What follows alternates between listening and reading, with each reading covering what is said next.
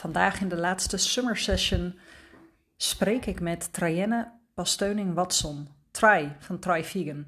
En als je mij al een tijdje volgt, dan weet je dat Try mijn uh, beste vriendin is. Mijn uh, Mattie for life, mijn sister um, uit een vorig leven. Maar dat is niet de reden waarom ik haar uit heb genodigd voor deze podcast. De reden waarom ik haar heb uitgenodigd voor deze aflevering van de Summer Session is omdat als je het hebt over nieuwe tijdsondernemers, een ondernemer die vanuit passie en vanuit visie een bedrijf neerzet, omdat ze daarmee de wereld mooier wil maken. En dit wil doen op een manier die zowel de masculine als de feminine energieën met elkaar combineert, dan is het Trajenne wel. Zij volgt haar inner guidance, zij volgt haar intuïtie, ook als dat zo onlogisch lijkt als het maar zijn kan. En zij combineert dat met een flinke dosis daadkracht, doorzettingsvermogen, doelgerichtheid. Van heb je jou daar? En de balans vinden elke keer weer tussen hoe zij vanuit vertrouwen, overgave, en liefde onderneemt en hoe zij daarbij elke keer ook weer weet te bepalen wat de volgende stap is, is inspirerend om naar te luisteren. Trijft dat ook iets over haar jeugd en over de plek waar ze vandaan kwam en hoe zij door alles wat ze heeft meegemaakt, net zoals jij en ik, bepaalde overtuigingen had over het leven, over zichzelf, over werk en hoe zij die had te doorbreken en te helen om de ondernemer te kunnen zijn die zij nu is. We hebben het over het moment waarop zij van de een op de andere dag haar bedrijf opzegde. Er, sorry, excuses. De baan opzegde. Um, hoe zij net een jaar bezig was en corona de fan hit, hitte en toch bleef ondernemen. Hoe zij elke keer weer stappen neemt, stappen zet, haar intuïtie volgt om haar bedrijf te laten groeien, ook als die voor de buitenwereld onlogisch lijken. En daar hebben we het allemaal over. Plus een flinke dosis humor en een uh, bulderende lach zo her en der. Dus ik wens jou heel veel luisterplezier. En um, geniet ervan. Laat je inspireren. Oeh, het is weer een nieuwe aflevering van de Nieuwtijds Bistalk podcast. En ook weer eentje uit de Summer Sessions serie. En vandaag zit ik met een hele speciale gast. het is namelijk uh, mijn beste vriendin, maar uh, daar gaan we het niet zo over hebben. Alhoewel je die vibe wellicht uit ons gesprek kan halen. Ik zit ook met ondernemer Trajenne. En Trajenne is de eigenaresse van Try Vegan. En deze vrouw um, is, uh, laat me eens even heel snel proberen te rekenen. Vier en een half jaar geleden, denk ik. Ja. Begonnen als ondernemer vanuit huis met um, het verkopen van uh, plantaardige afhaalmaaltijden.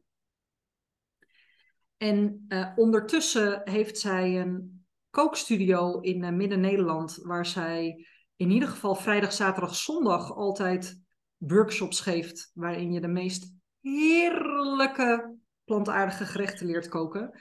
Wordt zij regelmatig ook geboekt voor privé-workshops. Werkt zij samen met, ik denk wel de grootste vegan influencers van Nederland. Sterker nog, ik denk dat ze er één is van dat stelletje mocht ze afgelopen najaar rond kerst ook nog eens een keer in de Albert Heijn special een, um, een plantaardig kinderkerstmenu samenstellen.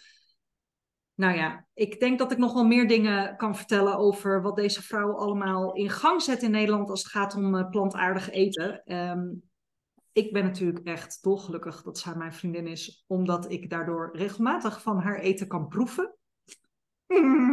Lucky me. Veel minder natuurlijk dan dat ik uh, zou willen. Maar ja, hey, je kan niet alles hebben. En vandaag um, heb ik haar uitgenodigd voor deze summer sessions. Omdat ik haar natuurlijk nauwlettend heb gevolgd in de afgelopen 4,5 jaar. Als haar vriendin. Soms als haar business coach, mentor, cheerleader, supportsysteem, zakdoek um, en sparringspartner. En als je het hebt over ondernemen vanuit intuïtie, gevoel, inner knowing, waardecreatie, impact maken.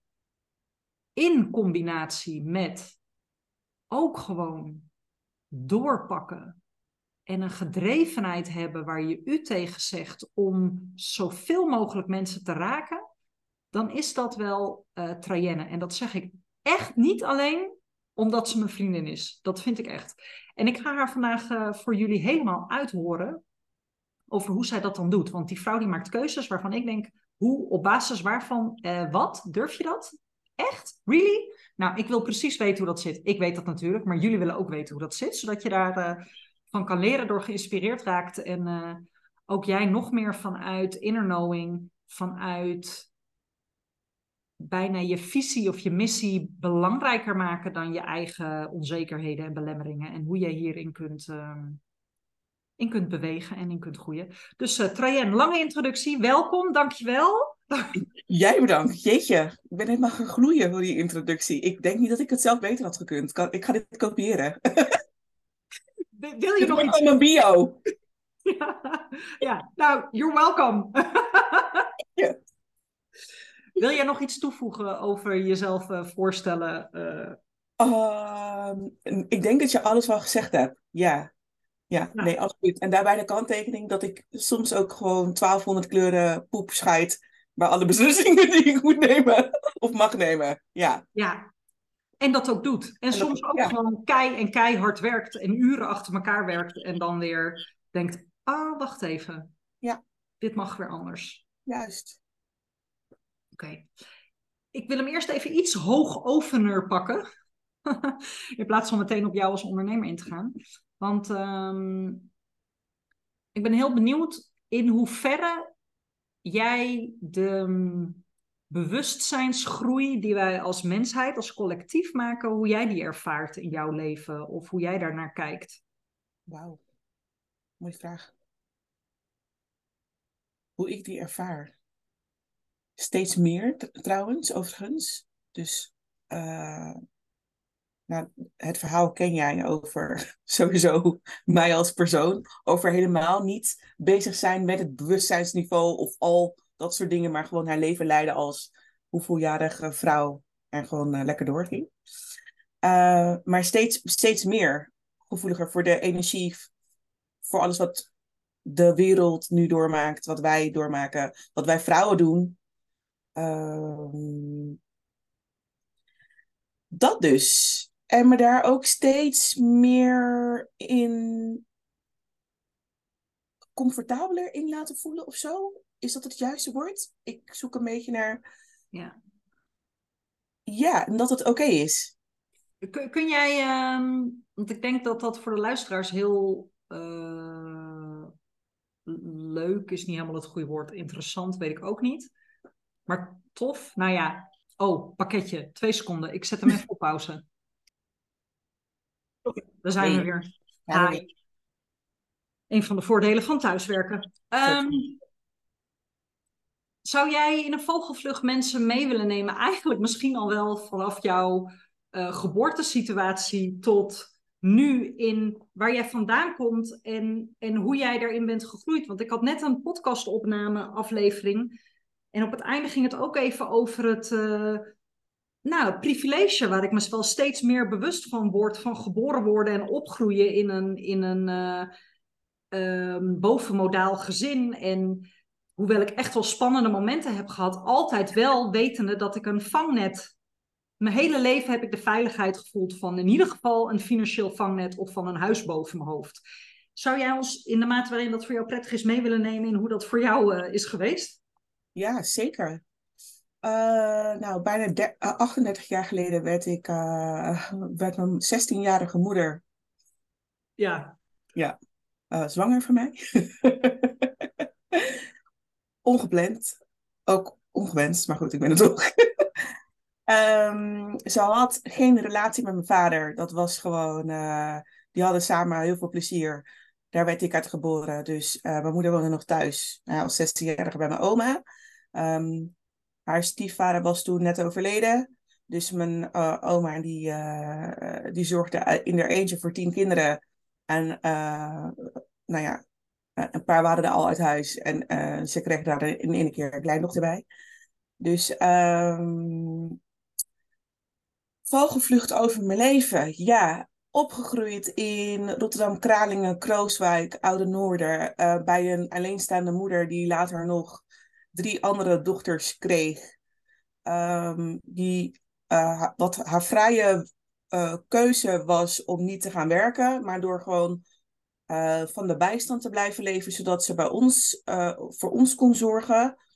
Ehm, we kunnen, ik vraag me soms af of dat de juiste beslissing is geweest, maar goed, die heeft ze nou eenmaal genomen. Ehm, in een zwaar, eh, hoe noem je, eh, hoe, hoe zeg je dat? Streng eh, gezin vanuit, zij vond al minder streng als dat zij is opgevoed, maar wij vonden wel echt al heel streng. Als Ehm, in jullie mochten heel weinig? ja, mochten sowieso heel weinig. Ehm, we waren ook niet in een buurt waar we heel erg veilig waren. Dus dat, dat klopte enigszins ook wel. Maar mijn moeder die wilde nooit eh, dat wat zij had meegemaakt met mij zo vroeg krijgen en mijn zusjes zo vroeg krijgen, dat dat ons ook ging overkomen. En ze had nou eenmaal hè, toen de tijd nog drie dochters. Dus ze wilde ons daarvan behoeden.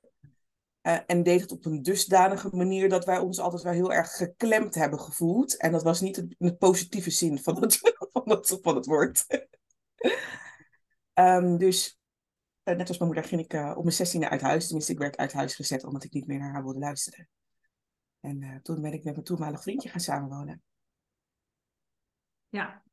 Eh, het voordeel van eh, opgroeien bij zo'n strenge moeder is dat ze altijd zag dat ze ons niet op basisscholen of op scholen wilden hebben die bij ons in de achterstandswijken waren. Dus ze heeft ons op, op redelijk witte scholen neergezet in de hoop dat eh, de, kin de kinderen of de, of de mensen die daar waren ons eh, zouden beïnvloeden. En dat we eh, bij de perikelen die horen bij de jeugd die opgroeit in, het, in achterstandswijken wegbleven. En dat is er, eh, dat is er gelukt. En dat is er gelukt.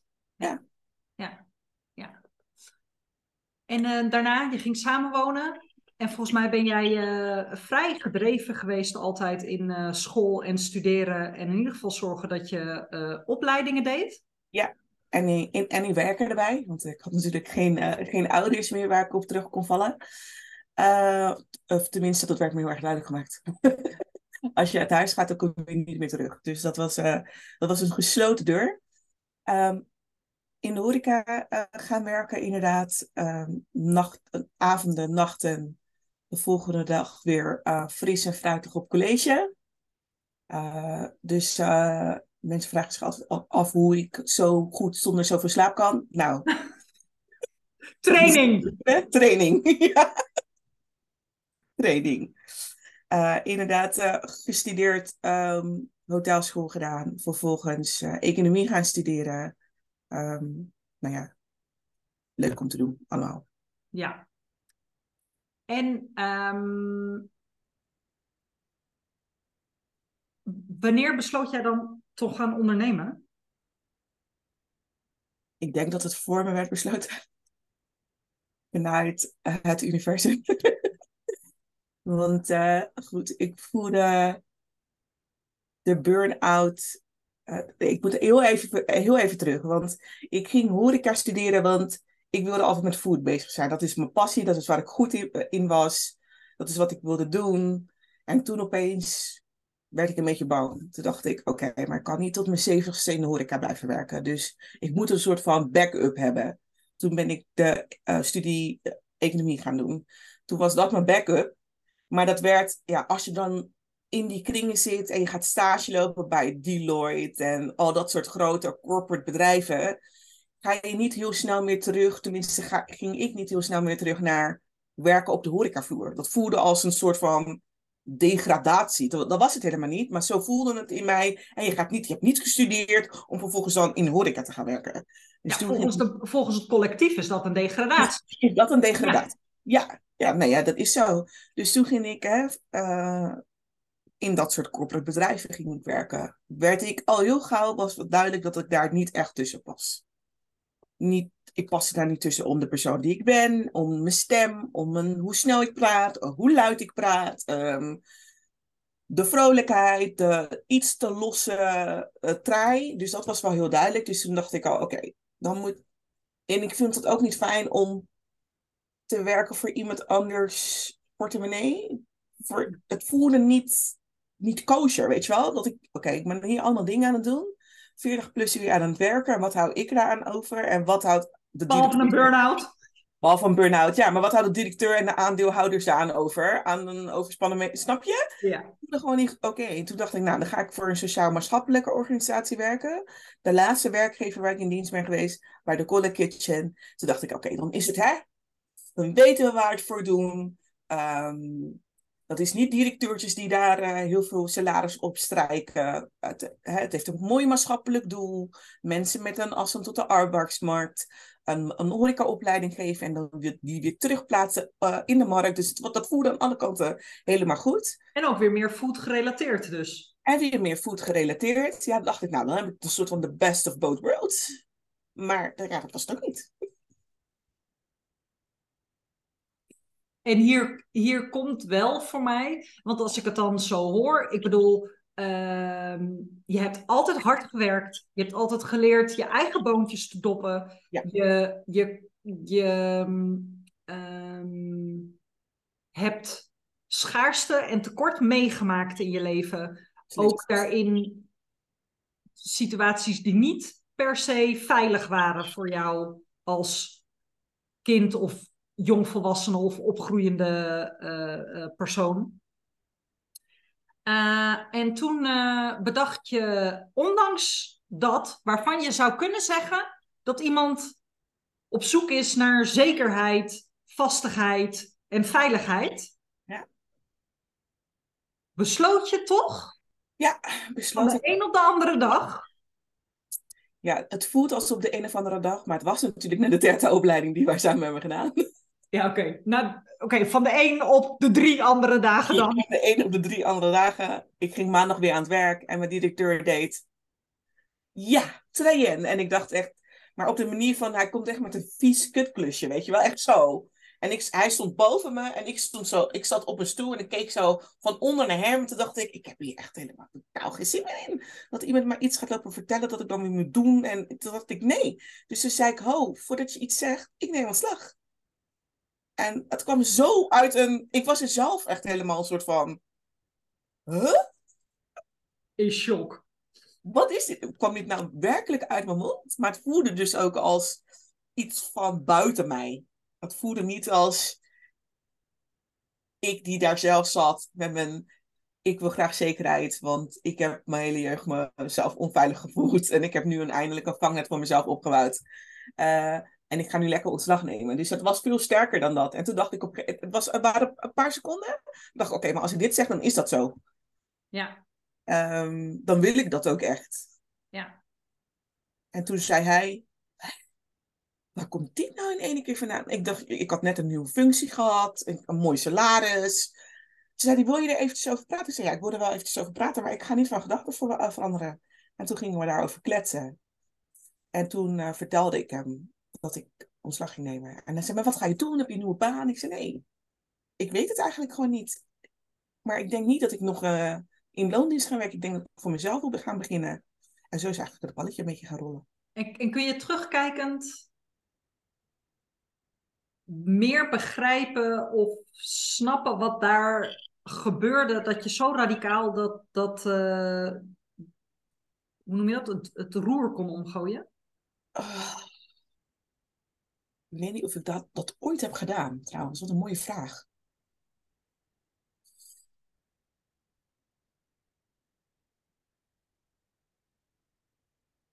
Ik kom er nu niet bij. Ik zal Nee. niet weten. Nee, ik weet het echt niet. Het voelt nog steeds als iets waarvan ik denk, heb ik dat echt gedaan? Maar je hebt het wel, nou ja, misschien niet vaker gedaan, of misschien ben je van de keren die daarna kwamen, je meer bewust geweest van de leiding die je kreeg daarin of zo, of de, de ingevingen. Want dat Ja. is wel hoe ik jou ken als ondernemer. Jij, jij kan op een gegeven moment iets aanvoelen Ja. en dan bam. Maar ik, en ik denk ook dat dat hetzelfde was als ontslag nemen. Alleen was ik me niet zo bewust van dat ik dat zo sterk voelde. En dat het weet je wel? Dus ik denk dat ik zelf die koppeling nog niet had gemaakt aan wat, er al, wat ik al had voelde in mijn lichaam. Maar dat wat er ook daadwerkelijk uit mijn mond kwam. Want eenmaal toen ik het voor mezelf zo van, oh, maar holy shit, weet je wel? Toen dacht ik echt, oh, wacht even, dit voelt als iets wat ik moet doen. En toen, toen ging ik ervoor. Toen dacht ik, oké, als dit zo voelt, dan, dan is dat zo. Ja. Ja. En toen na de theta, nou, toen we meer met theta bezig gingen en ik meer ging leren over wat überhaupt chakras zijn en energieën en mediteren en al, al dat soort andere dingen. Uh, toen ben ik steeds meer gaan vertrouwen op mijn gidsen. Andere mensen noemen het intuïtie, um, engelen, um, je onderbuikgevoel. En uh, toen ben ik gaan, uh, gaan kijken, wat gebeurt er nou als ik gewoon daarop ga vertrouwen? Dus ik leg het niet bij een ander, maar ik leg het 100% alleen maar bij mezelf. Wat nou als ik voel dat het, zo, dat het zo is? En ik doe dat. Nou ja, laat maar zien wat er dan gaat gebeuren. En tot nu toe uh, heeft het me nog niet één keer in de steek gelaten. Oké, maar hoe doe je dat dan? Het voelt ja, uh, voor jou heel logisch, voor mij ook best wel. Maar ik probeer me een beetje in te beelden in degene die luisteren. Dit is ja. een vrouw die meerdere studies heeft gedaan. Daarna altijd in de corporate wereld heeft gewerkt. Ergens al voelde ik wil iets maatschappelijker gaan doen. En zo wat andere keuzes gaan maken in je bedrijf. Um, ik weet van jou dat je daarin ook een, een één of twee of nou, meerdere perio periodes hebt gehad van overwerkt zijn. Of Absoluut. over grenzen heen gaan daarin. Ja. Maar in dat stuk was spiritualiteit of intuïtie of dat wat we niet kunnen zien. Ja. In hoeverre speelde dat toen al een rol in je leven? Was je daarmee bezig? Nee. Helemaal, maar uh, niks. En in je jeugd toen wel al meer? Nee. Nee, mijn moeder die was dus, mijn moeder is heel spiritueel, dus Ja. die zag dat mediteren en dan wilde ik wat tegen haar zeggen naar school en die was dan helemaal in trance, wat me dus bang maakte. Dat is ook een van de redenen dat ik er van weg ben gebleven, want ik dacht, ik wist niet wat er gebeurde en ik zag mijn moeder zitten, maar ze zat, het leek alsof ze niet in haar lichaam zat. En, en want ze reageerde nergens op, dus in paniek met mijn oma bellen en mijn oma die kwam toen en toen, weet je wel, mijn oma en mijn moeder hadden daar dan, weer ruzie over, dat ze vond dat ze dat soort dingen niet kon doen waar we bij waren. En dat was wel, dat gaf me altijd een heel onveilig gevoel, dat ik echt dacht, oeh, daar blijf ik Ja. een beetje van weg van al dat eh spiriwiri eh, gebeuren. Ja, Ja. En eh, door die Theta Healing cursus. doe, doe dit net hele cursus. Maar vertel, Maar hoe? ook- bedoel, hoe? Ik, was er al een tijdje mee bezig. Dus ik ging, ik ging een me Theta Healing cursus doen. Maar jij zei, ik ga mee. Maar hoe? Why? Ja, luister dan. Nee, nou, dat was. hebben we dat of verhaal van- die joint al verteld ooit een keer online? Ik denk niet dat ik het met de wereld heb gedeeld. Het verhaal van de joint. Een primeur. Komt-ie. Mijn zusje woonde bij mij in. Dat is mijn, mijn derde zusje. En eh, die zei, Trien, Trien, heb je al een keer drugs gebruikt in je leven? Ik zei, nee, ik heb nog nooit drugs gebruikt in mijn leven. Ze zegt, ook niet een joint. Ik zeg, nee, dat heb ik ook nog nooit gebruikt. Dus eh, toen, toen zei ze, wil je dat dan een keer proberen? Ik, ja, dat wil ik wel. Nou, dat wil ik wel een keer proberen, maar dan wel in mijn eigen huis, in mijn tuin. Weet je wel, ergens waar ik me veilig voel. Helemaal, eh, helemaal zen. Dus wij dachten, dat, nou, dat hebben we geregeld. Een paar dagen later had zij een joint gehaald. We zaten buiten in de tuin. En toen, eh, toen zei ze, ging ze dat uitleggen. Ze zei, nou ja, niet te harde hijsen nemen. En na, na, na, na. Dus eh, bij hijs nummer één, ik deed echt... En toen voelde ik mezelf uit mijn lichaam gaan. En ik zag mezelf hier. En ik zag, ik zag dus dat ik naar mezelf keek. Van, van, van, van boven naar onder. En ik dacht echt, na één hijs, serieus, dit kan, dit kan toch, dat kan niet kloppen, toch? Dat, het, dat je dan helemaal zo... En ik was dus gewoon uit mijn lichaam. En toen, zij zag op een gegeven moment aan mij dat het niet goed ging. Dus toen zei ze, wil je naar binnen? Ik zeg, ik wil naar binnen. En ze zegt tegen mij, dat verhaal vertelt ze nu, je liep als een soort van schildpad. Voetje voor voetje. Want ik kon echt, het kostte me al mijn, nou ja, energie om u op te staan, om te gaan lopen. Dan kan je je voorstellen, als je niet meer in je lichaam zit, als je daarin gelooft, wat voor kracht je moet hebben om dat die ziel of wat het ook is, dat uit je lichaam is gegaan, nog dat lichaam moet laten bewegen. Dat voelde echt als een soort van, nou ja, zo'n marionet. Oh mijn god, als een schildpad dus, volgens je zusje. Schildpad dus, is voor mijn zusje. En zo dus ook de trap op. En toen ging ik naar bed. En toen ehm, ben ik dus, wij zeggen, op, uh, op reis gegaan. Maar anderen zeggen een psychose. Ligt eraan welke... Ligt eraan wie spreekt. Mijn zusje zegt op reis. Mijn man zegt psych psychose. Van vier dagen lang. Vier dagen lang? Vier dagen lang. Eén huis? Ja. Ja. Wauw. Daar heb ik van alles gezien van... Ik wil niet te veel in details treden, want anders denken andere mensen ook dat ik in een psychose zat. van dat ik zag hoe de mensheid is uh, gemaakt, gecreëerd, tot aan liefde, maar geen dood, verderf, oorlog, alleen maar positieve dingen. Ja. Ehm, zo erg geliefd gevoeld door alle verschillende soorten lagen van het universum ben ik heen gegaan. Dat ik uiteindelijk, eindelijk op de laag van de dieren kwam. En toen dacht ik, oké, volgens mij ben ik er bijna. En toen uh, uiteindelijk ben ik weer uh, in mijn lichaam gezakt. Wat die trien die hierboven zat. Zo, pop. Ja. En toen was ik, uh, was ik, was ik weer oké. Maar toen dacht ik, oké, dit is echt heftige shit. Hier moet ik echt meer over gaan leren, want ik heb me dit echt niet allemaal ingebeeld. Dit, dit is zo gebeurd. En toen gingen wij volgens mij daar een keer met Alice. Ja. Wijn drinken. Ja. En toen ging daar, ik weet niet waarom ik de behoefte voelde om dat met jullie te delen. Want volgens mij waren we toen helemaal nog niet over spiritualiteit of zo bezig. Nee, ik vertelde toen denk ik over um, de theta-healingen die ik had gehad. Want ik zat toen net in de vooravond van mijn scheiding. En een ja. aantal theta-healingen hielpen mij toen heel erg om, om tot uh, je, beslissingen te komen die, die uh, genomen mochten worden. En ik denk dat ik daarover vertelde. En jij toen vanuit, ja, vanuit de kwetsbaarheid van dat gesprek ook ging vertellen over je uh, joint en je reis. En mijn reis, ja. ja. En mijn moeder heel normaal, oh ja, dat was, je was gewoon astraal aan het reizen. En ik zeg, wat is dat? Ja, ja. Dus eigenlijk had jij een soort van spiritual awakening. Ik had een spiritual awakening. Ah, die klinkt ja. altijd. Ja. ja. Hey, en, en dat, um, in hoeverre speelt intuïtie, spiritualiteit, het universum een rol in jouw uh, uh, ondernemerschap? Huge. Ja? Waaraan, ja. Waar, waar, waar, waaruit blijkt dat voor jou? Nou, dat blijkt uit het feit dat ik, dat ik uh, ontslag nam. Ja.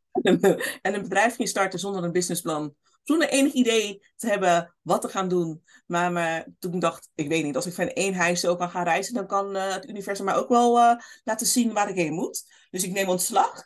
Nou, laat het maar, let, let, let it start. Ja, bijna vijf jaar verder. Ja, bijna, ja, bijna vijf jaar verder. En zo, zo uh, steeds als ik merk dat ik een beetje in de knel kom, um, dan denk ik, oké, okay, terug naar dat eerste gevoel. Laat het me maar zien. Weet je wel, oké. Okay, ik hoef niet, nu niet zo heel veel. Het ontrafelt wel vanzelf. En dat is soms makkelijker dan de, ene, dan de andere dag. En soms duurt het weken en soms duurt het maanden en soms duurt het maar een dag. En het verschilt heel erg. Ja. En, en in hoeverre... Um, want je bent begonnen met afhaalmaaltijden. Toen ben je vanuit huisworkshops gaan geven. En ja. anderhalf jaar, nou, nou nee, volgens mij een jaar nadat jij startte, aan het begin van corona uh, kreeg jij een ingeving en maakte jij bepaalde keuzes die denk ik weinig anderen jou na zouden doen. Ja, het is mooi om even datums te noemen. Dus ik ben mijn eerste workshop gaf ik in april 2019 aan een inner circle. Hè. Ik ging, was natuurlijk bezig met die afvalmaaltijden. En toen zeiden mensen, oké, ja, we snappen het. Dit is lekker. We komen nu al meerdere keren. Het is altijd lekker. Maar hoe? Maar hoe doe je dat? Toen dacht ik, oké. Ik krijg dat nu van meerdere mensen terug. Misschien moet ik dus invulling gaan geven op de hoe. En het niet zozeer voor ze doen, maar ze leren hoe ze het zelf kunnen doen. Nou, Michel verkleur, uh, mijn man, die verklaarde me natuurlijk weer voor gek. Die zei, ja, dan ga je in je eigen markt snijden. Moet je niet doen, dit, dat. Dan komen mensen nooit meer bij je terug. Ik zeg, nou, ik weet niet. Ik doe online boodschappen, maar ik sta ook nog steeds elke dag in de supermarkt. ja, ik denk niet dat het een het ander, uh, weet je wel. Dat, dat, dat, nee, daar geloofde ik niet in. Dus ik zeg, ik ga gewoon een kleine workshop geven voor Inner Circle. Nou, jij was daarbij en Simone was daarbij. Wat andere mensen die me uh, die, nabij staan. En klanten die wat vaker bij me kwamen afhalen waren daarbij. En toen de, de eerste workshop, daar probeerde ik natuurlijk van alles in te douwen. Want ik hield van dansen. En ik hield toen al van mediteren. En ik hield van koken. En ik, nou, nog wel allemaal. En dat probeerde ik allemaal in één workshop te proppen. Dat was wel nou, leuk. Was wel was heel leuk. Heel veel mensen die nog steeds klant bij mij zeggen, die zijn van die afbeeldingen en van die filmpjes, daardoor ben ik klant bij jou geworden. Dus dat is wel echt heel leuk om nog steeds uh, terug te krijgen. En nou goed, zodoende ga je een beetje leren van oké, wat kan wel, wat kan niet. En je leert het ondernemerschap. Ik ben met jou gaan werken omdat ik dacht, oké, ik weet niet, ik kan het allemaal wel zelf gaan verzinnen. Maar volgens mij is het wel goed, zeker als ondernemer als je net start, van de hele wereld aan je voeten ligt en je van alles mag en kan doen, is het fijn om een beetje sturing, een beetje strategie en dat jij zegt, ja, dit is een leuk idee, maar past het in wat je plan is? Nee, oké. ja. Fijn om zo'n stok achter de deur te hebben. En toen um, uh, zijn we wat workshops gaan geven die uh, maanden. Uh, toen was het maart 2020, mind you, dus net niet een jaartje gestart met Vegan. En toen kwam COVID. toen kregen we restricties, uiteindelijk lockdowns, de hele uh, reuten met uit. En toch werd ik op een dag wakker en dacht ik, ik wil het niet meer van, vanuit huis doen. Ik wil een pand. En uh, ik vind altijd tegen mijn mannen die zeggen, ik ben gek en het is covid en het is allemaal lockdowns en je mag toch niet open. Waarom zou je dit in vredesnaam gaan doen? Ik zeg, de tijd voelt gewoon goed. We moeten dit gewoon denk ik gaan doen. Toen ben ik in Utrecht gaan kijken, maar nou, ik denk een stuk of vier, vijf panden. Dat was het niet. Toen dacht ik, op een gegeven moment raakte ik een beetje gefrustreerd. Toen dacht ik, oké, die frustratie mag af. Je vraagt aan het universum, waar moet ik zijn? Laat het me zien. Acht uur. Zo, zo heel duidelijk was ik. Ik ging slapen, volgende ochtend werd ik wakker. Bunnik. Bunnik? Waar ligt Bunnik? Dus ik zo... Waarom denk ik aan Bunnik? Wat is Bunnik? Dus ik kom op mijn telefoon kijken, Bunnik. Utrecht, dus is Utrecht en Zeist in. Mijn zoon, wij wonen in Utrecht, mijn zoon zit in Zeist op school. Dus ik dacht, Bunnik zat precies in de middag. Nou, dat voelt eigenlijk wel als een goede locatie. Um, zat toen nog op voetbal. Die voetbalde twee, drie dagen in de week. Zaterdag uh, had hij dan heel vaak trainingen. Dus ik dacht al, oh, het gaat natuurlijk never nog niet lukken om dan met z'n drieën dan naar Bunning te rijden. Ik open dus, ik had mijn telefoon al in mijn hand, want ik was aan het googelen.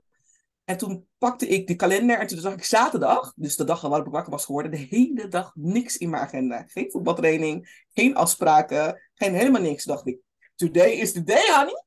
Today is the. Ik zei tegen jongens, hup, aankleiden, we gaan naar Bunnik. Michel, Bunnik? Wat gaan we verder met Bunnik doen? Ik zeg, ik heb het gevoel dat ik daar moet zijn voor een pand. Ik moet daar zijn. Hij zegt erin, echt, jij echt, en met die dingen van je. Ik zeg, kom op, dus toen zijn we een dagje door Bunnik gaan uh, heen rijden. Toen zijn we um, overal geweest, behalve op het bedrijventerrein waar ik uiteindelijk een pand heb ge, uh, gekregen. Toen kwam ik thuis en toen dacht ik, oké, dit is het, Bunnik. Dus ik dacht, Funda, eerste hit, zag ik het bedrijfspand waar ik nu in zit. Die was er vrijdag opgezet. Ik was er dus zaterdag. Toen ben ik, heb ik een afspraak gemaakt. Toen had ik die maandag had ik de afspraak met de makelaar. Die overigens ook de, met de makelaar, uh, die maandag. En volgens mij had ik hem. Hij deed een beetje moeilijk. Ja, en hoezo ben jij dat soort ondernemer die dan hier moet zitten? En ik zeg, sinds wanneer moet ik bij een makelaar in gesprek met mensen? Ik wil hier, ik, als ik zeg ik wil de pand huren, dan wil ik de pand huren. Toen zei hij, ja, nee, ja, we gaan, uh, we gaan eerst nog even kijken, want uh, hè, er zijn nog andere mensen, een architectenbureau en allemaal andere soorten ondernemers. Toen dacht ik, had ik een mooie brief gestuurd met waarom ik daar zou willen zitten. En toen zei hij, oh ja, je tone of voice is zo mooi. Toen had ik dinsdag het pand. En toen dacht ik, oh ja, dat is heel leuk, maar ik heb helemaal geen financiering. Want hoe ga ik dit allemaal inrichten? Ja, en even voor iedereen die luistert, dus nog steeds midden in de COVID-periode. Ja. En toen, uh, ik weet niet meer wie mijn credits heeft aangeraden, of dat ik gewoon heb gegoogeld, ik weet het niet meer. Toen kwam ik in contact met credits. En eh, die man zei, nou, stuur me je businessplan. Toen zei ik, nou, dat heb ik niet. Toen zei hij, wanneer ben je begonnen? Toen zei ik, vorig jaar april. Toen zei hij, heb je wel al cijfers? Die had ik. Die waren niet fantastisch, maar ik had ze wel. Ja. En toen zei hij, ik vind je verhaal als ondernemersverhaal zo mooi. En ik vind je missie mooi. En ik vind het bedrijf dat je wilt hebben, vind ik mooi. Dus wij gaan dit gewoon doen. Ik hoop dat je ook door de afdeling... Nou, is een afdeling die dan toetst in hoeverre... Ik ben even vergeten wat, die, wat, wat, de, naam daarvan is. Hoe verre je businessplan en je cijfers en wat je wil gaan doen real is, real is. En dat je de lening uh, terug kan betalen. En daar, risk, afdeling risk. Daar kwam ik ook door. Woensdag had ik... Uh, had ik die lening binnen. Dus het was van vrijdag tegen het universum zeggen, laat het me dan zien. 48 uur, zaterdag worden met dik in mijn hoofd, kijken, maandag een bezichtiging en woensdag was de financiering rond. Maar het is zo'n waanzinnig voorbeeld, vind ik, van um, je missie of de, de why van je bedrijf zo sterk voelen en dan vervolgens durven vertrouwen op ingevingen die totaal onlogisch lijken. Ja, echt maar, totaal onlogisch. Maar in je hoofd onlogisch lijken en in de rest van je systeem heel kloppend voelen. Heel voelen. Nou ja, ik heb jou toen nog hyperventilerend opgebeld, weet je nog? Ja, ja, ochtend voor die bezichtiging. Ik, was, ik, ik was nog, nog niet eens bij het pand. Ik was op de parkeerplaats bij het station. En toen voelde ik gewoon energetisch, dit is het. En ik had het nog, ik had het verder dan alleen maar op de foto's, had ik het nog niet gezien.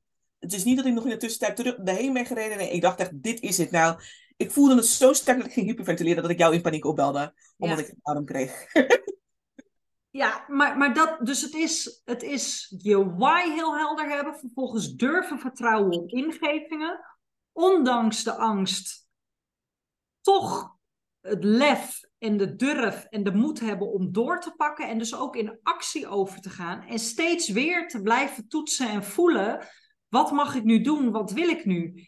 En daardoor is denk ik, is het universum zo met jou gaan co-creëren of de onzichtbare krachten, ja. dat het je lukt. En je zit nog steeds in dat pand en je betaalt nog steeds eh, al je huur en alle rekeningen op tijd. Er zijn zelfs plannen voor een grotere locatie. Um, maar zo pak je volgens mij ook mogelijkheden aan tot samenwerkingen met influencers of met zo'n Albert Heijn. Weet je dat, ja. dat... Ja, het was natuurlijk die lockdown. Ik had het hartstikke mooie pand, maar we mochten natuurlijk geen mensen ontvangen. Dus toen dacht ik, oké, universum. Ik voelde heel sterk pand, dus niet meer in mijn huis. Dat pand heb ik gekregen, dat ging allemaal top. Maar laat me nu, weet je, als ik geen mensen hier mag ontvangen vanwege al de lockdownregels, dan moet er iets anders komen. Twee dagen later belde Vivera voor een, uh, een grote adviesopdracht voor receptontwikkeling voor op hun verpakkingen. Uh, en drie weken later belde Beyond Meat voor een online receptenkookboek met hun, uh, met hun, met hun producten. Ja. Dus vanuit die receptontwikkeling en al dat soort dingen kon ik dan weer een paar maanden teren op de, de inkomsten die ik voor, daarvoor had gekregen. Ja. ja. En toen ben ik inderdaad gaan werken met, toen dacht ik, oké, dat is heel tof. Maar ik voel dat het meer en groter mag. En toen heb ik eigenlijk de stoute schoenen aangetrokken om gewoon influencers te vragen. Van, hey, ik ben Trij, dit is wat ik doe. Wat voor tofs, wil je komen? Kunnen we misschien gaan samenwerken? Um, weet je wel, ik heb nu contact met uh, een Vivera en een Beyond Meat. Misschien kan jij daar ook iets in betekenen. En zo zijn al die samenwerkingen eigenlijk uh, tot stand gekomen. Ja. Heel tof. Hey, en, en hoe ga jij um, om met periodes waarin er van jou gevraagd wordt te wachten en te vertrouwen? Ja. Nou, daar ben ik dus niet heel goed in. nou ja, de resultaten zeggen anders, maar... De zeggen anders, ja. ja. Nou ja. Ik ben, en soms zeg ik, wat voelde ik toen, toen ik tegen het universum zei, pan 48 uur locatie, laat me maar zien. Weet je, want soms zo heel graag Why? Ik, wil ik weer op intappen, dat ik echt... Waarom kan ik dat nu niet? Maar dan is het voor dat moment gewoon niet bedoeld. En dat is ook oké. Okay. Um, ook voor als, net als elke andere ondernemer heb ik ook last van, uh, nou last. hebben we als ondernemer uh, hogere pieken en lagere pieken. Iemand zei laatst heel mooi tegen mij. Ik zei, ik, wil, ik zou gewoon graag willen dat het uh, stabiel was. Toen zei ze, je wilt flatlijnen, je wilt dood. Ja. Ik, oh, oh, zo had ik het eigenlijk nooit bekeken. Super Ik ook echt zo van, ik weet niet wat jij allemaal zegt. Sorry Marie, het ondernemerschap, uh, dat, dat, nee. Je hebt altijd hogere pieken en heel veel diepe dalen. Maar die pieken die je hoger pakt, die zijn veel meer moeite waard dan die, dan die diepe dalen waar je dan in zit. Ja, ja, ja, je hebt ook helemaal gelijk. Dankjewel voor dit inzicht. Ja. Um, heb ik ook. Ik, ik, Twarvingen die doet het echt vanaf augustus, september tot en met februari en dan een klein beetje uitloop maart heel goed. Maar die andere maanden, maanden april, uh, mei, juni, juli, dat zijn vier maanden. Dat zijn best wel, tussen een heel kwartaal. Ja. Kwartaal drie maanden. Ja, meer dan een kwartaal. Meer ja. dan een kwartaal. Waar we het echt heel slecht in doen. Qua verkoop van workshops. Ja, de omzet gaat omlaag. De omzet gaat dan echt veel, veel lager. Dus dan zitten wij niet meer. Hè, ik draai er nu maanden van. Uh, nou ja, richt tegen de 20.000 euro aan. Echt alleen maar met uh, workshops dan. Hè. Nog niet het advieswerk of receptontwikkeling erbij. Maar echt alleen workshop draaien. 20k. En dat zie ik dan soms gewoon teruggaan naar 5. Ik denk dat ik in. Vorige maand heb ik volgens mij 3,5 gedraaid. Nou, dat zijn echt. Dat ik echt denk. Hoe dan? dan? Ja. Vorig jaar dacht ik nog, oké, dat is de nasleep van COVID. Mind you dat we in januari, februari vorig jaar nog twee maanden lockdown hadden. Nee. Was dat vorig jaar? Oh niet? Ja, medio februari gingen ze een beetje af. Dus toen dacht ik, toen de mensen niet kwamen opdagen in die maanden, dacht ik, oké, maar dat komt nu omdat we weer naar buiten mogen. En hè, dus dat, is, dat, dat, dat begrijp ik. Dus toen ging ik heel hard werken met nog meer social media posts, nog meer nieuwsbrieven, nog meer mezelf laten zien en ho, ho, hier ben En het, dat werkt, het werkt allemaal niet. En toen kreeg ik het heel druk in het najaar. En toen ging ik dus bijna weer in een burn-out. Omdat ik die maanden zo hard had getrokken aan iets wat niet zo moest zijn. Ja. Omdat ik het ook nog niet wist. Want de voorgaande jaren hadden we lockdowns en covid en al dat soort dingen. Dus ik had niet echt cijfers of feeling met mijn bedrijf en wanneer het wel piekt en niet piekt. Dat, dat was er nog niet. Dus ik dacht, als ik maar gewoon heel hard ga werken, dan, uh, dan komen de mensen vanzelf. Nou, die kwamen niet. Die kwamen allemaal in het najaar. Allemaal tegelijk. Het liefst allemaal op dezelfde datum. Ja, want je had zo ontzettend veel uh, echt... in beweging gebracht, ja. Zoveel in beweging gebracht dat iedereen wilde in het najaar opeens allemaal van Zwaar Vegan snoepen. Fantastisch, maar jij was zelf al helemaal uitgemolken. Ja. Dus uh, tussen kerst en oud en nieuw heb ik mijn telefoon weggegooid en uh, ben ik eventjes een beetje bijgekomen. En dit jaar zei ik, oké, okay, ik, weet wat, ik weet wat me te wachten staat. Dan ga ik meer de rust in. Dan ga ik meer opladen voor ja. het najaar en voor de maanden waarop we wel heel goed draaien. Ja. Um, en dat is waar, waar, ik nu nog steeds eigenlijk in zit. Ik ga straks vier weken vakantie. Heerlijk. Ja.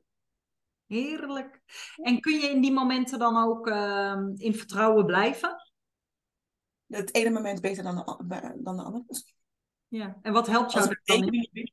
Als er weer rekeningen binnenkomen en ik denk, hoe gaan we dit? Hoe gaan we van maanden... En ik kan ook overigens goed geld uitgeven. Hoe gaan we van maanden, no worries, niks is te gek, naar opeens, hoe ga ik dit betalen, weet je wel? het is ook, uh, ben ik ook heel eerlijk in een proces in wie ik ben als persoon, als vrouw, maar ook als ondernemer, om daar de juiste balans in te gaan vinden. Dus nu had ik al tegen jou dit jaar gezegd, oké, nu weet ik voor volgend jaar, ik heb ongeveer 25k in een potje nodig om dit helemaal te kunnen opvangen, zonder dat ik daar in de stress over schiet. Als er rekeningen binnenkomen, wil ik gewoon normaal kunnen betalen, 25k in mijn, in mijn potje voor als het minder gaat. Oké, okay, dan weet ik dat, dan doe ik dat en dan is dat zo opgelost. Ja, ja, wat ik daar ook heel mooi in vind, is dat het niet alleen maar afgaat op signalen en tekenen en intuïtie en flow. Dat je daar ook naast een, een, een ja, wat meer masculinere energie kunt zetten. En kunt zeggen, oké, okay, dit weten we nu. Nu snap ik het ritme. Voorheen ja. was dat ritme verstoord door uh, COVID. Nu zie ik hem. Nu weet ik het. Nu kan ik er naar handelen. Ja. En dan doe je dat ook. En dan doe ik dat ook. Ja. Ja, tof. Dus dat. En ehm, laat me eventjes eh, invoelen wat er nog eh, gevraagd en gezegd mag worden.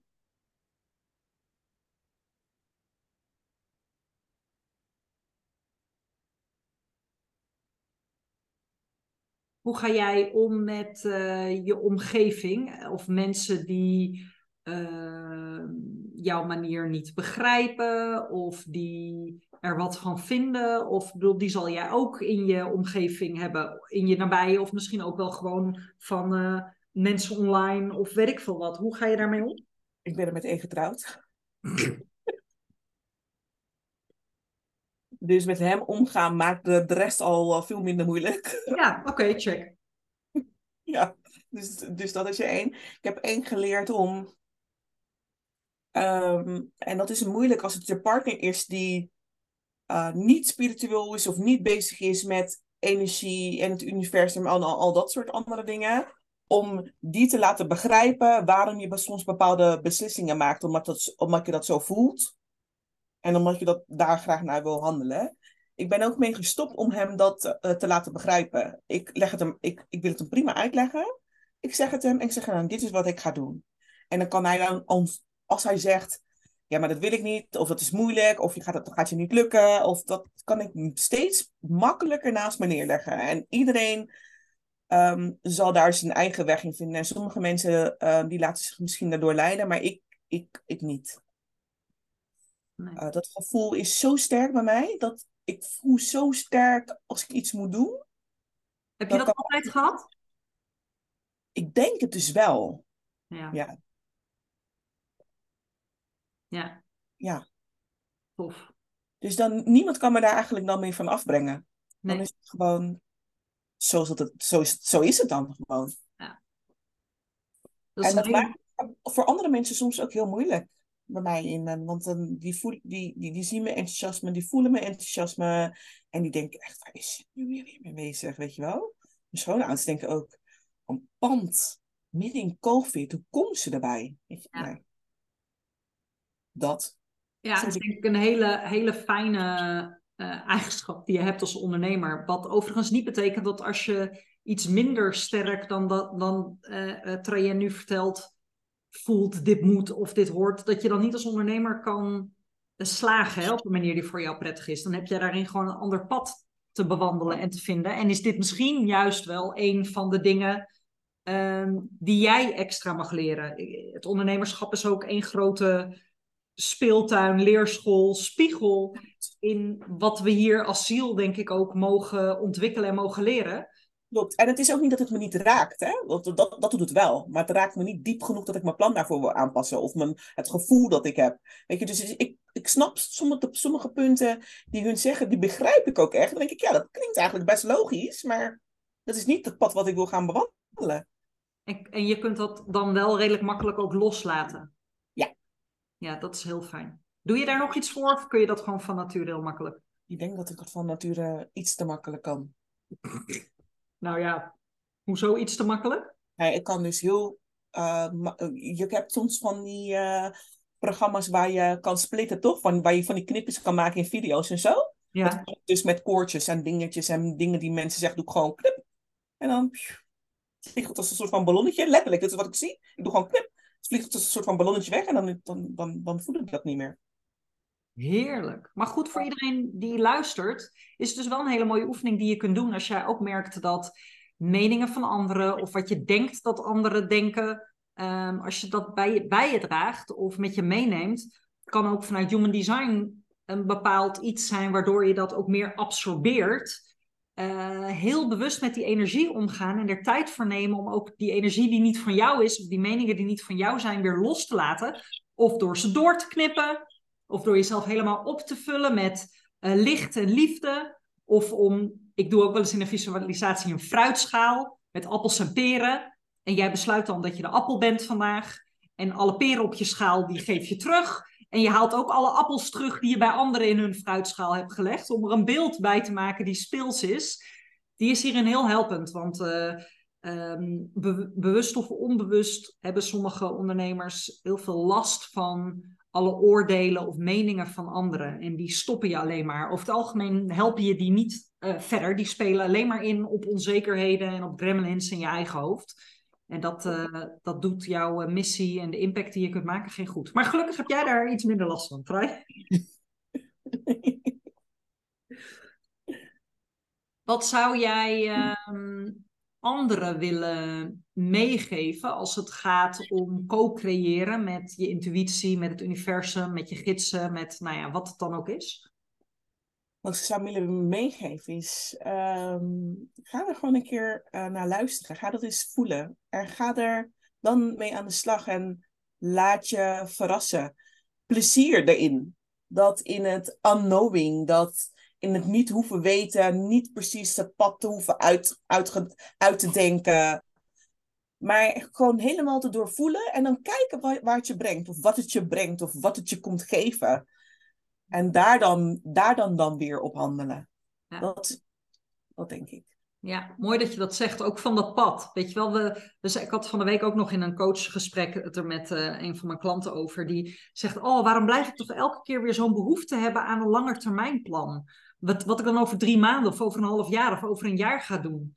En, en um, jij zegt, hè, laat, laat dat vooral ontvouwen.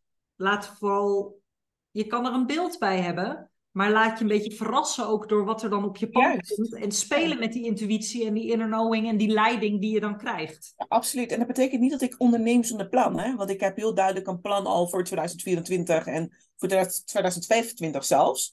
Maar dus als mijn doel is, ik wil in 2024 2,5 ton verdienen, dan kan ik dat in, in, januari verdienen, maar dan kan ik ook nog op 31 december verdienen. Als het maar, ik heb gezegd, ja. ik, wil, ik wil dat geld in dat jaar. En, dat, en dan laat ik het los. Dan denk ik, oké, okay, wat zie ik wel? Hoe het er komt, of het er komt. Ik zou het graag willen hebben. Ik sta er open voor, I'm ready to receive. En ja. dan, uh, dan kijk ik. Ja, ja, en dan sta je dus ook open voor waar die intentie of waar dat doel je dan vervolgens brengt. Juist. Ja. If not this, then better. Then better, ja. Ja, heel tof. Heel tof. Is er nog iets anders wat je wil delen over dit uh, pad? Lief zijn voor jezelf. Daar ben ik de laatste tijd uh, heel erg mee bezig. Mezelf meer gunnen, lief zijn, meer in de vrouwelijke energie. Ik heb ook echt wel heel erg de masculine kant. Die is bij mij nog groter en meer aanwezig dan de vrouwelijke kant. Ik denk als die twee zo kunnen gaan samenwerken, hè, dat, je, dat je dan echt goud hebt. En wat doe je daarin voor jezelf? Nu uh, heb ik laatst dus een, een energetische massage van jou gehad. ja. Ja, dat was mooi hè? Ik weet niet of jullie die review al hebben gezien, maar uh, dat is uh, een massage voor je ziel. Dat is wat je wilt. Dat is heel zacht, heel liefdevol, fijn. Dat ik echt denk, oh ja, hier zou ik... En ik had hem toevallig ook nog uh, tijdens mijn menstruatie. Wat ik waarvan ik niet echt had verwacht van, dat ik dat fijn zou vinden. Maar dat vond ik echt heel fijn. Juist om zo mm. genurtured eigenlijk te worden. Diep in, mijn, in mezelf. Ja. Um, van, uh, hoe heet ze ook alweer, waar we de cacao-ceremonie hebben gehad? Ja, Mariska. Ja. Van Mariska hebben we natuurlijk de massage geleerd. Ik merk dat ik het heel erg lekker vond om de bovenkant van mijn borst en de onderkant van mijn borst te masseren. Dat kan ik ook met heel veel liefde doen. Ik denk, oké, dat zijn allemaal dingen die ik me gun. Tijdens de massage van jou voelde ik, oké, ik mag meer aandacht besteden aan mijn handen. Maar dat is ook werken met mijn maanstanden en mijn menstruatie. En daaromheen uh, kunnen willen durven plannen. Uh, want waarom zou ik in vredesnaam een hele week in mijn agenda vrij willen houden? Weet je wat ik allemaal in de week kan creëren? Maar mezelf dat gunnen, dat het oké okay is om niet te hoeven werken als ik dat niet wil, omdat ik menstrueer, omdat er veel meer met mezelf aan de hand is. Dat soort dingen. Ja, ja, dus op die manier die verzachting. En die verzachting, die, uh, ja. Meer feminine kant van jezelf ook toe te laten. Juist, ja. Tof. Ik heb natuurlijk ook gewoon vanuit mijn jeugd was alles heel hard. Hè? Want als je dat niet doet, dan is dat het rest. En als je dat niet doet, is het keihard. Gewoon alles boem, boem, boem. Ja. nu merk ik, ik ben, ik ben straks bijna 38, ik ben 37,5. Mhm. denk ik, oké, als ik dat zo bij in mijn veertigste, als ik dat kan masteren, En wat master je dan op je veertigste? dan master ik dus die masculine en die feminine energie en daarmee gaan werken. en dat ik dan niet meer er per se over na hoef te denken, maar dat het gewoon een onderdeel van mezelf is geworden. Ja. Ja. denk ik, nou, zo wil ik ook wel fabulous 40 worden. Ja, nou, gaat je lukken. Ja. Ja. Ja. Heerlijk. Lijkt me fijn. Mooi. Dankjewel, Trui. Mooi gesprek zo. Jij bedankt. Een heleboel dingen hebben we aangeraakt. Eh, ja. Huh? Was ik niet aan het ratelen? Nou, niet ratelen, nee. Je hebt gewoon heel veel mooie dingen verteld. Oké, gelukkig. Soms voelt het alsof ik ra- ratel. Als jij praat, zeg ik ja. Nou, dat is eigenlijk wat ik wilde zeggen. Maar dan hoe zij het zegt. Nou, we kunnen het hele gesprek eruit knippen en alleen maar die zinnetjes die ik... eh, nee. Oh, ja. Nee. Nee, nee, ik denk dat het heel tof is voor iedereen die geluisterd heeft om te kunnen horen hoe je eh, vanuit eigenlijk nul spiritualiteit, keihard werken, heel masculien, oorzaak-gevolgachtige eh, Ja. jeugd en, en eerste volwassenheid kunt transformeren naar iemand die onderneemt vanuit intuïtie, vanuit inner knowing, ehm, vanuit eh, impulsen volgen eh, en, en juist meer die zachtheid en die vrouwelijkheid. En, en dat dat een, een pad is wat je, waar je in groeit en in ontwikkelt en steeds meer vertrouwen in krijgt. En, ehm, en de- nou ja, daar ben je echt een waanzinnig mooi voorbeeld in, denk ik. Dank je. Maar dat, dat is het innerlijk. Dat is het inderdaad. En ik denk dat de titel moet worden waar een joint allemaal voor gezorgd heeft. Nee, Ja, hij staat, ik heb aantekeningen gemaakt. Een stukje jeugd, drugs, radicale beslissingen, covid-pandhuren, pieken en dalen of flatlinen. Dat wordt de samenvatting van de aflevering. Hilarisch. Dankjewel, lief Trui. Ik ga de opname stoppen. Eh, Ja. In de show notes kunnen jullie zien waar jullie Trui kunnen vinden. Google op Trui Vegan, T-R-A-I en dan vegan. En je vindt er overal. Ze is goed vindbaar.